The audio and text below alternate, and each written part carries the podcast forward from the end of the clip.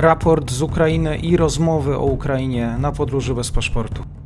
Dzień dobry wszystkim słuchaczom. Mamy 25 maja, to już 91 dzień rosyjskiej inwazji na Ukrainę. Siły rosyjskie prawdopodobnie zrezygnowały z wysiłków zmierzających do zakończenia jednego dużego okrążenia sił ukraińskich we wschodniej Ukrainie i zamierzają koncentrować się na Siewierodoniecku, tak informował w najnowszej analizie Instytut Badań nad Wojną. Ten sam instytut stwierdził, że rosyjskie wojska zamiast tego próbują zabezpieczyć mniejsze okrążenia, skupić się właśnie na Siewierodoniecku Ta zmiana strategii pozwala na stopniowe postępy, ale kosztem rezygnacji z kilku zamierzonych linii natarcia i głębokiego okrążenia sił ukraińskich na wschodzie Ukrainy. Siły ukraińskie prawdopodobnie przeprowadzą również kontrolowane wycofanie się na południowy zachód od Popasny w pobliżu Bachmutu, aby chronić ukraińskie linie zaopatrzeniowe przed ofensywą rosyjską na południowym wschodzie Bachmutu, właśnie w obwodzie donieckim. O tym też e, mówił wczoraj Michał e, Nowak w krótkiej aktualizacji sytuacji z frontu. Zapraszam do tego na ten odcinek. Ostatnie działania też ukraińskiej partyzantki w obwodzie zaporowskim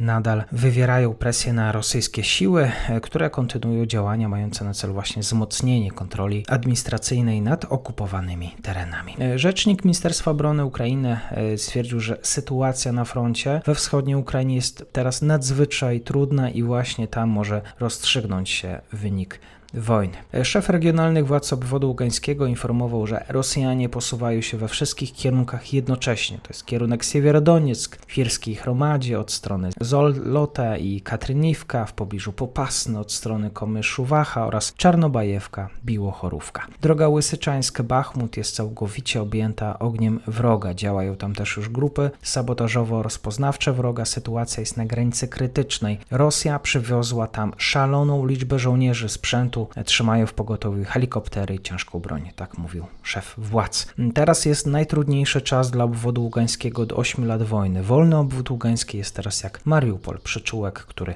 powstrzymuje atak. Kilka eksplozji zostało zgłoszonych przez naocznych świadków w Zaporożu. Dzisiaj rano alarm przeciwlotniczy w mieście rozpoczął się około 3.20 czasu lokalnego. Eksplozję podobno było słychać do 5 rano. Ukraińska operacyjna grupa taktyczna Wschód poinformowała na Facebooku, że w jej rejonie dowodzenia siły rosyjskie przeprowadziły 24 maja trzy ataki. Grupa twierdzi, że jej siły zniszczyły magazyn, w którym znajdowało się 180 rosyjskich żołnierzy, dwa czołgi, pięć bojowych wozów piechoty. Nexta potwierdza również informacje o atakach na Krzywy Róg. Zniszczony został zakład właśnie przemysłowy, donosi regionalna administracja wojskowa.